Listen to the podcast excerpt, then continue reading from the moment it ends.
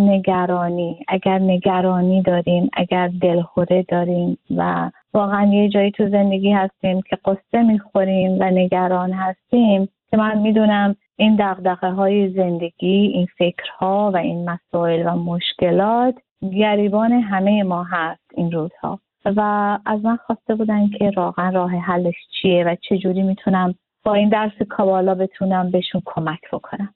اولا چیزی که می‌خوام بگم وقتی اسم نگرانی و دلهوره و قصه خوردن میاد اولین چیزی که دوست دارم بگم به تمام شنوندگان عزیز اینه که واقعا اینا همشون فریبکارن و یک نوع فریبکاریه که من بشینم نگران باشم قصه بخورم یا دلهوره داشته باشم. و دلم می‌خواد اینو هر جا که هستید صدای من رو می‌فهمید اینو توی مغز خودتون صافش بکنید.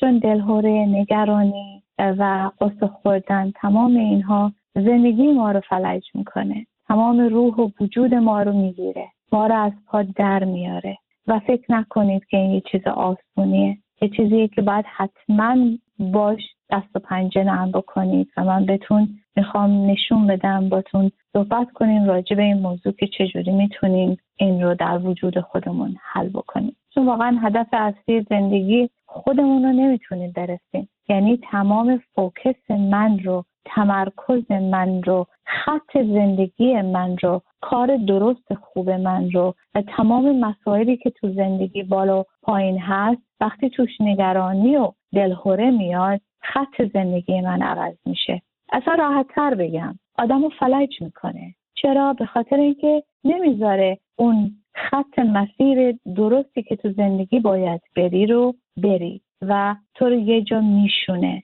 به خاطر اینکه نگرانی و دلهوره داری. دیگه چیزهای دیگه که می‌خوام بهتون بگم اینه که یادمون نره اولین چیزی که دوست دارم بدونید و متوجه بشید اینه که یادمون نره وقتی رو کمبودها و حرفهای غلط مردم و قضاوتهای بیجا بیخودی من و شما شروع می‌کنیم رو اینا فکر کردن حرفهای اشتباه دیگران کارهای اشتباه دیگران رفتارهای غیر انسانی فکرهای فکرهایی که باعث میشه من نتونم از خونه بیام بیرون چون دلهوره منو می‌گیره فضولی دیگران. اینها همه می‌ذارن من چی بشم؟ اینا همه تمام وجود منو می‌گیره و منو یه جا میشونه. و واقعا اگر به زبان ساده و راحت براتون بخوام بگم واقعا قالی زندگی رو از زیر پای آدم می‌کشه. وقتی آدم نگرانه یا دلهوره داره. حالا هر کسی نگرانیش و دلهورش یکی مریضیه یکی بیپولیه یکی ازدواج دخترشه یکی ازدواج پسرشه یکی single mom ه براش سخته. یکی یکی تو زندگی تنها مونده پیریشه احساس می‌کنه کسی رو نداره. به هر نحوه ای که شما فکر بکنید نگرانی برای همه هست. برای همه هست. و امشب دلم می‌خواد اینو باز کنیم که ببینیم با این نگرانی باید چه کار بکنیم. پس همونجور که گفتم واقعا زندگی ما رو از پا در میاره وقتی که با نگرانی و دلهوره باید زندگی بکنم. و باید متوجه بشم که این فکرهایی که می‌کنم این فکرها منو زمین می‌زنه و از خط اصلی زندگی من من رو خارج می‌کنه. اولین چیزی که باید بهتون بگم که کمکتون بکنه تو زندگی که بتونید غلبه کنید روی دلهوره و دقدقه ها و نگرانی های زندگی اینه که با خودتون یه دقیقه بشینید و این فکر رو که میگم رو واقعا این فکر رو بکنید و از خودتون سوال بکنید. دیگران با شما چه کار می‌کنن؟ چه حسی دارن؟ چه احساسی دارن؟ چه چجوری فکر می‌کنن و راجع به شما چی حرف می‌زنن اصلا برای من مهم نیست. من برام خود شما مهمه. خودتون تو خلوت اتاق خواب خودتون یه دقیقه بشینید. اونایی که دلهوره دارن و دغدغه فکری دارن. یه ببینید منظور مقصود intention شما در همه چیز و با کس چیه؟ چه حسی دارید؟ آیا فکر شما خوبه پاکه؟ اگه فکرتون خوبه intention تون خوبه خب پس چرا باید ناراحت باشید؟ خود باوری رو اینجا انتخاب بکنید. You have to believe in yourself. هر کاری که تو زندگی من و شما می‌کنیم باید ببینیم منظور و مقصود چیه. آیا این منظور و مقصود از اینه که چی؟ سوال کنم. چرا من اینجام؟ چرا این حرف رو شنیدم؟ چرا این حرف رو زدم؟ چرا این کار کردم؟ منظور من چیه؟ مقصود من چیه؟ خیلی مهمه که من intention خودم رو اینجا clear بکنم و باور کنم برای کسی که هستم. چون نفس اماره من و شما اون ego یی که در وجود من و شما نشسته بالاترین کارش تو زندگی چیه؟ که از ego ی من کارش چیه؟ کارش اینه که اجازه میده Satan وارد زندگی من بشه. یعنی Satan از ego ی من استفاده می‌کنه و می‌خواد منو به زمین بزنه. از طریق های مختلف. پس من باید این نفس امارم و حواسم باشه که کجا با نفس اماره وایستادم و این جریان رو دارم نگاه می‌کنم یا با روحم یا با سولم. دارم چجوری این مسئله رو نگاه می‌کنم؟ چون همونجور که با هم یاد گرفتیم در درس کابالا ما دو تا ذهن داریم. یه ذهن بدنی و یه ذهن چی؟ روحی. Soul consciousness and body consciousness. Body consciousness چی میگه؟ میگه هیچ وقت هیچی تقصیر تو نیست. تو خیلی خوبی. همه تقصیرها همه نگرانی ها همه گرفتاری ها مال اوناست. تو اینجا از همه بهتری. تو اینجا ویکتمی قربانی هستی و همه مقصر. اون ذهن روحی من اون سول کانشسنس من چی میگه؟ اون اصلا براش مهم نیست که آدما چی میگن چی حرف می‌زنن چه احساسی دارن چه فکری راجع به شما می‌کنن. روح من اومده اینجا. از بدن من داره استفاده می‌کنه فقط برای یه چیز که به تکامل خودش برسه. و اصلا براش مهم نیست که دیگران چی میگن چه احساسی دارن چه نظری دارن و رو شما چه فکر می‌کنن.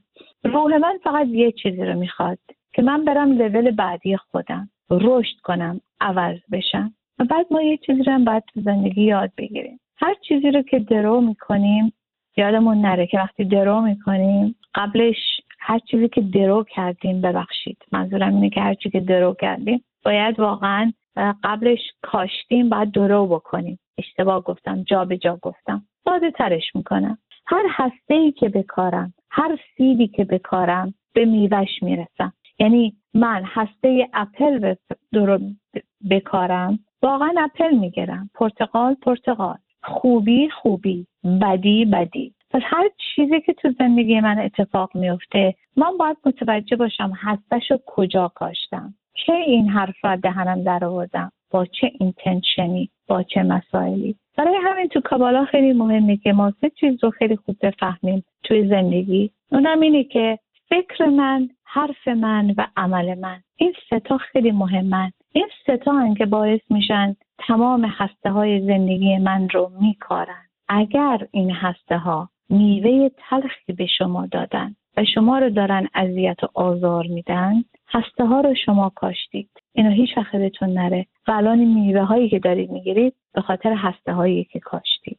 اینو باید خیلی مواظب باشیم و بیایم و هسته های خوب بکنیم چه کار دیگه ای که می‌تونیم بکنیم که از دست این نگرانی و دلهوره ذره آرامش بکن پیدا بکنیم؟ و بتونیم زندگیمون رو به راحتی بگذرونیم و انقدر اذیت خودمون رو نکنیم اینه که واقعا از صبح که پا تا شب ما دنبال همه چی هستیم. بدنی غذا بهترین غذا لباس گردش تفریح. همه کارا رو برای بدنمون و راحتی بدنمون می‌کنیم. اوکی؟ ولی چرا می‌خواد یه کار دیگه بکنیم؟ از صبح که پا تا شب. می‌تونیم یه کاری رو پیدا بکنیم. یه کاری که خوبه.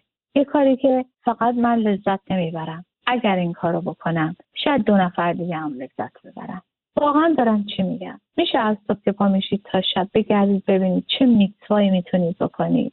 حالا یه کار خوب یه کار نیک یه کار درست یه کاری که شاید یکی دیگرم بتونه خوشحال بکنه. چرا؟ برای اینکه همون جوری که گفتم زندگی ما هر چی تو ریالیتی زندگی من؟ هر چیزی توی بشقاب زندگی من هست کوچیک و بزرگ اگه هر چی که دارم و ندارم. هستش رو یه جا کاشتم و الان محصولش میوهش رو دارم می‌بینم. اینو باید خیلی مواظب باشیم. در ضمن هفته پیش من راجع به پرشن هفته تورا صحبت کردم بایبل صحبت کردم و داستان نوح رو توضیح دادم. و یه چیزی که گفتم امیدوارم همه همه هموطنان اینو یادشون باشه اینه که ماهی که درش هستیم ماه اسکورپیو according to the Hebrew calendar ماه نه اینکه ماه بدیه نه اینکه ماه منفیه اصلا ماه قدرتمندیه. It's a very powerful month. ولی ماهیه که چهل روز و چهل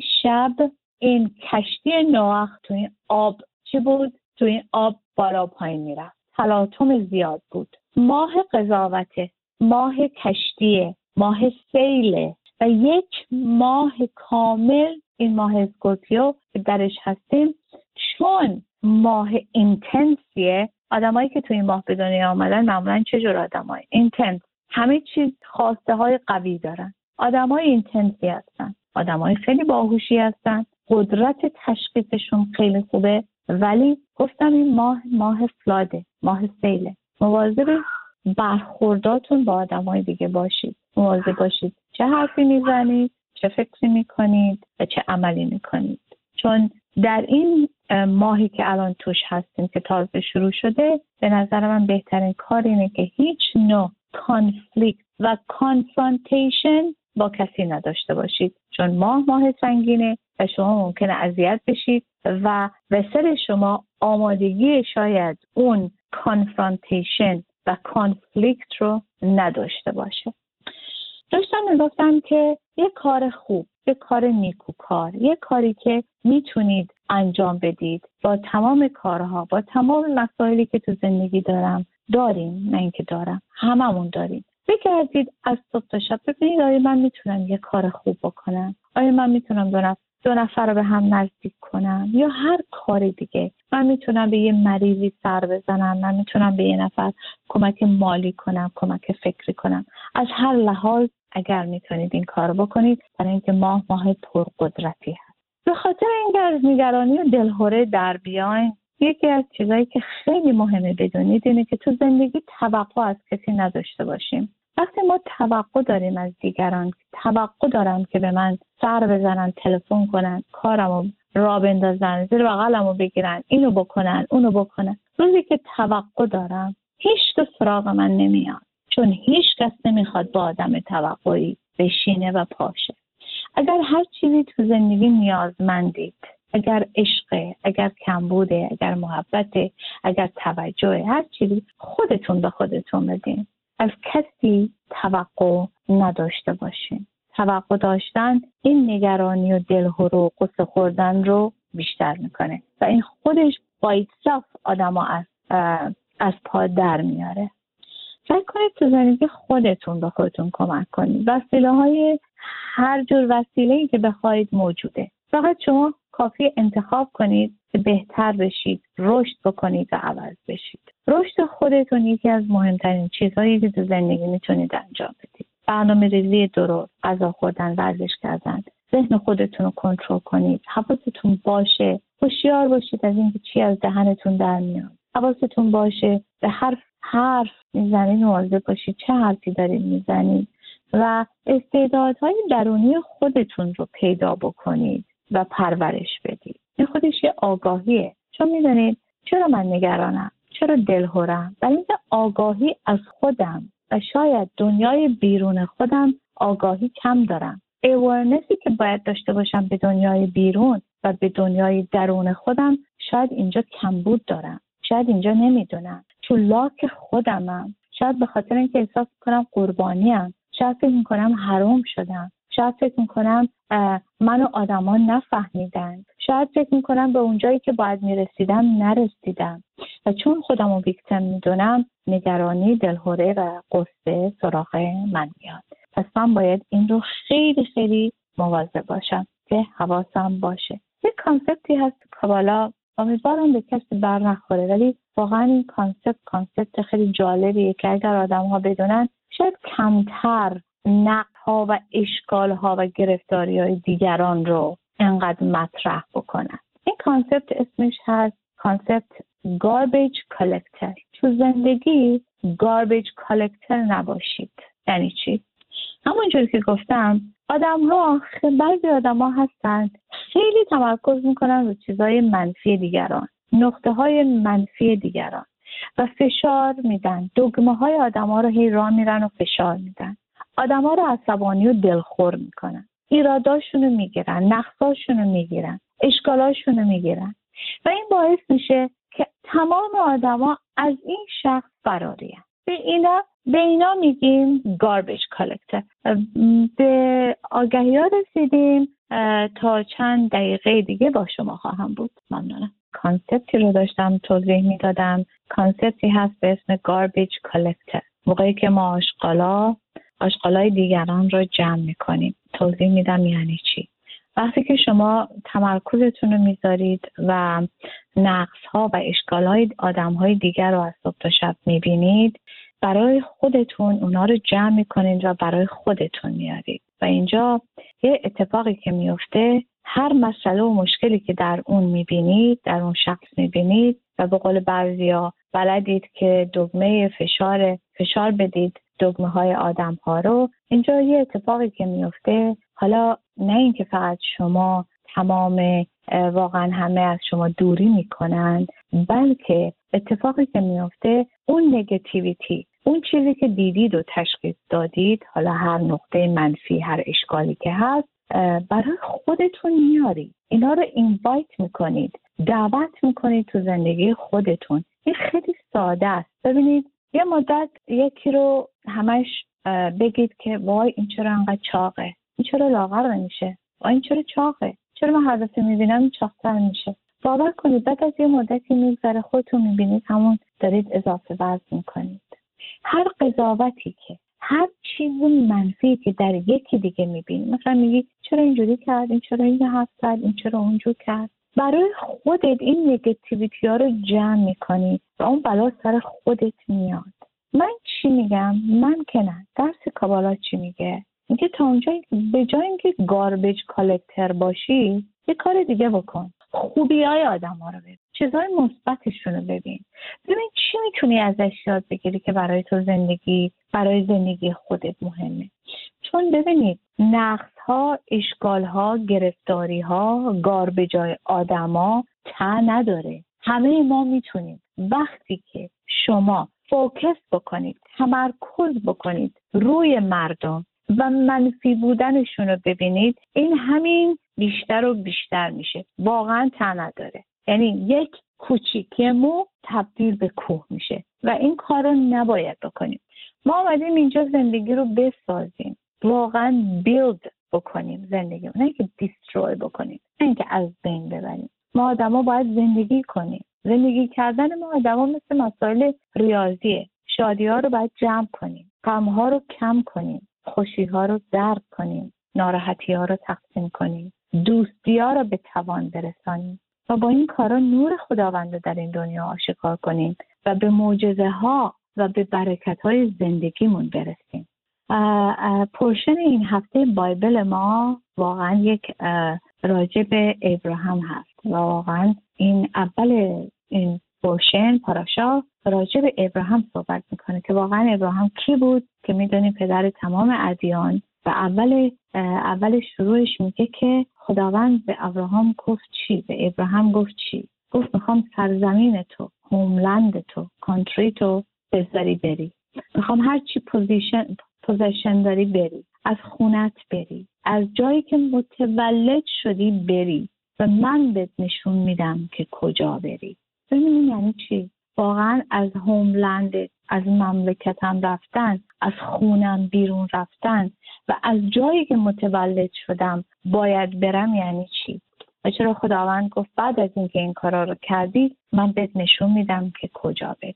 واقعا داره خداوند من شما چی میگه؟ درس ابراهام دست من و شما امروز. که به من بگه ترک بکنم. چی رو؟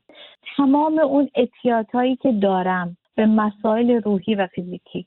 یعنی to really leave ترک بکنم. My physical and spiritual addiction. واقعا خودم رو از چایلدهودای بدی که داشتیم هممون از تراماهایی که داشتیم از سرنوشتی که باش به دنیا آمدیم. چرا میگه این همه رو ول کن برو؟ چرا میگه لخلخا؟ چرا میگه go away برو از اینجاها که به من اینو بگه که من و شما تمام ابجکتیو درس کابالا همین نقطه است که درسته من با یه سری آدم ها با این مادر با این پادر با این خواهر با این برادر با این دوست فامیل با این وضع مالی با این هلت با این مسائل در این دنیا قرار گرفتم و دارم زندگی می‌کنم. ولی من می‌تونم سرنوشت خودم رو از اول مقدار زیادش رو عوض کنم و از سر بنویسم.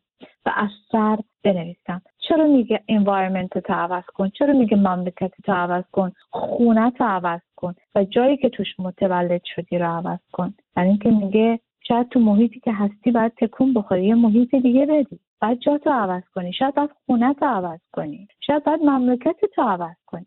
شاید یه جای دیگه باید باشی. شاید باید باورات رو باید عوض بکنی. چرا برد پلی من برد پلیس من و شما کیه؟ اون کسی که ازش متولد شدم. فقط کانتری نیست. جایی که متولد شدم از کی من متولد شدم؟ مادر و پدر. حتی می‌تونیم عمیقتر بهش نگاه بکنیم. میگه از مادر پدرت اونها هم نگتیویتی های خودشون. With all due respect to our parents. حتی مادر پدرامون هم ممکنه مسائل منفی و گرفتاری های خودشون داشته باشن. میگه اونا رو هم کن و برو. شاید مادر من شاید پدر من و مشکلی داشته. با کسی با چیزی. حتی میگه اونا رو هم کن. و برو. متوجه میشی؟ حتی محیط تو میگه عوض کن. شهر تو مملکت تو عوض کن. چرا شهر و مملکت رو عوض کنم؟ به خاطر اینکه هر شهری هر مملکتی مسائل مشکلات خودشو داره. چیزهای منفی خودشو داره. در آمریکا زندگی کردن یه چیزهای مثبت داره یه چیزهای منفی. در اروپا زندگی کردن همینطور یا در هر جای جهان. پس اینجا بخاطر من چی بگه؟ ابراهیم می‌خواد من چی یاد بده؟ که من واقعا باید از تمام واقعا می‌تونم با هر موقعیتی با هر آدمی با هر سیچویشنی با هر مریضی با هر مسئله که توی خوشقاب زندگیم دارم زندگی می‌کنم دارم و دارم زندگی می‌کنم می‌تونم تغییر بدم. و اینجا یه مسیجی هست برای تمام مردها. It's a hidden message واقعا. وقتی یه مرد ازدواج می‌کنه ابراهیم اینو به ما یاد میده. چرا میگه اینا رو ول کن برو؟ مملکت تو شهر تو جایی که به دنیا آمدی خونه و زندگی تو مملکت تو بذار و برو. این برای مردا خیلی دست بزرگیه. مردا بعد از اینکه ازدواج می‌کنن نمبر وان پرسن زندگیشون باید زنشون باشه. نمی‌تونن ازدواج بکنن ولی هنوز دنبال مادرشون باشن و خواهرشون و برادرشون. حالا من اینجا خودم رو یه چیزی رو توضیح بدم که یه وقت خدای نکرده برای کسی سوء تفاهم نشه. کابالا نمیگه به مادر تلفن نکن خرجیشو نده حالشو نپرس و بهش ویزیتش نکن. از وابستگی های ناسالم اینجا داره صحبت می‌کنه که من بعد از مردها بعد از اینکه ازدواج می‌کنن کسی که باید بیشتر از بچه ها بیشتر از مادر بیشتر از پدر بیشتر از خواهر یه زن یه مرد مخصوصا یه مرد وظیفه اصلیش اینه که اول زنش. اون کسیه که زندگی روش برای شما می‌سازه کیه؟ زن شما. اون کیه که بچه ها رو بزرگ می‌کنه. تعلیم و تربیت دست کیه؟ واقعا زندگی بدون زن میگذره میچرخه. وقتی مریض میشن مردها کی تیکرشون می‌کنه؟ کی بالا سرشونه؟ کی به دادشون می‌رسه؟ کی بچه هاشون رو باید از, از موقع ازدواج کردن مادره باید باشه؟ درسته؟ پس زنی که زندگی رو می‌سازه اگر زن زندگی حالش خوب باشه همه آدم ها توی خونه حالشون خوبه. اگر می‌بینید بچه ها دقدقه دارن فکری دارن ناراحت دارن قبل اینکه سراغ بچه ها بریم و اونا رو بلیم کنیم و اونا رو بگیم چرا اینجوری هستی چرا اونجوری هستی ببینیم رابطه زن و شوهر چیه؟ البته از من خواسته زیادی داشتم که راجبه در آینده راجبه رابطه زن و شوهر صحبت بکنم و با کمال میل این کار رو در آینده خواهم کرد. ولی واقعا دلم می‌خواد اینو بدونید. مهره اصلی یک خانواده کیه؟ زنه. برای همین میگن زن می‌تونه یا بسازه یا از بین ببره یا دیستروی بکنه. زن باید خیلی حواسش جمع باشه که چه کار می‌کنه. کاری نکنه. یک زن نباید کاری بکنه که بلنس خونش از بین بره. کاری نباید بکنه که آرامش آسایش و اون صلح و صفا و عشق از خونه بیرون بره. چون مهره اصلی هر خانواده زنه. الان ما بچه های در ایران این جوانای ما دارن چی میگن؟ زن زندگی آزادی. چرا؟ برای اینکه واقعا زنان زنان که همه کار می‌کنن. آخر بعد از اینکه یه زن و شوهر با هم بچه میارن بچه ها رو بزرگ می‌کنن آخر سر کی پیشش میمونه؟ زنه. کی غمش قصهش رو می‌خوره؟ زنه. کی باید تیکرش بکنه؟ زنه. پس نه اینکه خداوند معذرت می‌خوام نه اینکه این درس به من میگه که من مادر و پدرم و خدای نکرده کنار بذارم یا احوالشون رو نگیرم یا کاری براشون نکنم ولی اون وابستگی های ناسالم رو باید کنار بذارم. و priority زندگی ما اول بدم به زنم چون زن زندگی happy life happy wife happy life و این چیزیه که خیلی کبالا در این مسئله خیلی صحبت می‌کنه و ایشالا در هفته آینده بیشتر راجبش صحبت خواهم کرد. okay بعد گفتم که ابراهیم یه کار دیگه کرد.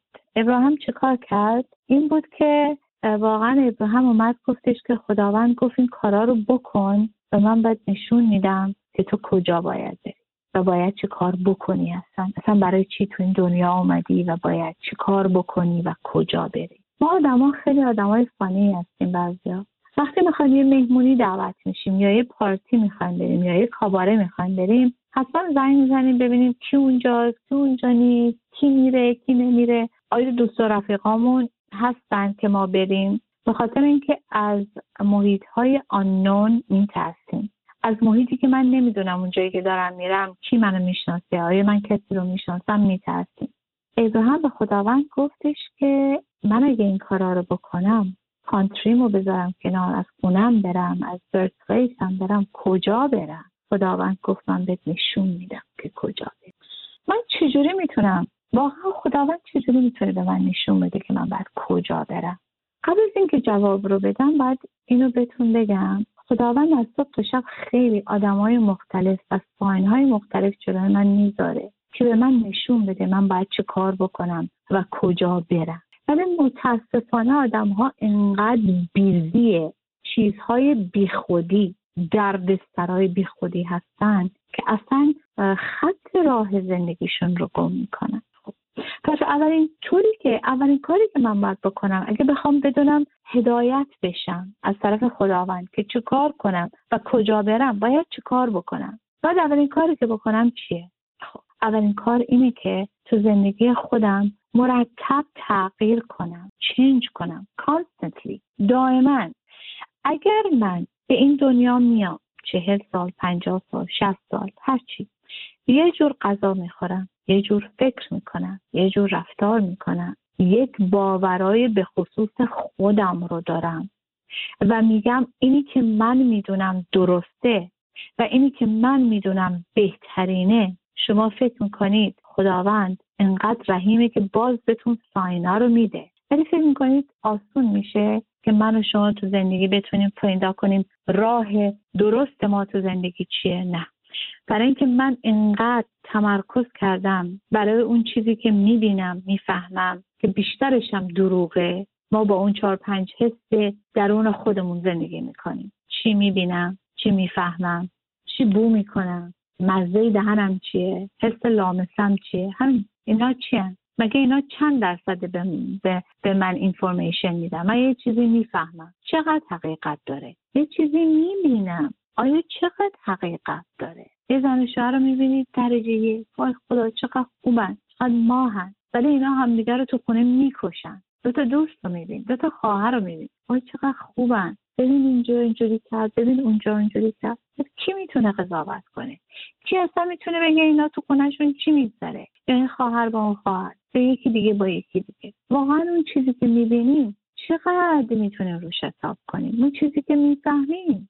چقدر می‌تونیم روش حساب بکنیم؟ آیا ما می‌دونیم رابطه آدما با آدما چیه؟ آیا حالا کاری به زندگی قبلی هم ندارم؟ همین امسال همین این, این lifetime آیا ما می‌دونیم چه رابطه اینا با هم دارن؟ چی شده که به اینجا رسیدن؟ absolutely not ما فقط قضاوتشون می‌کنیم. ولی ما نمی‌دونیم چه خبره.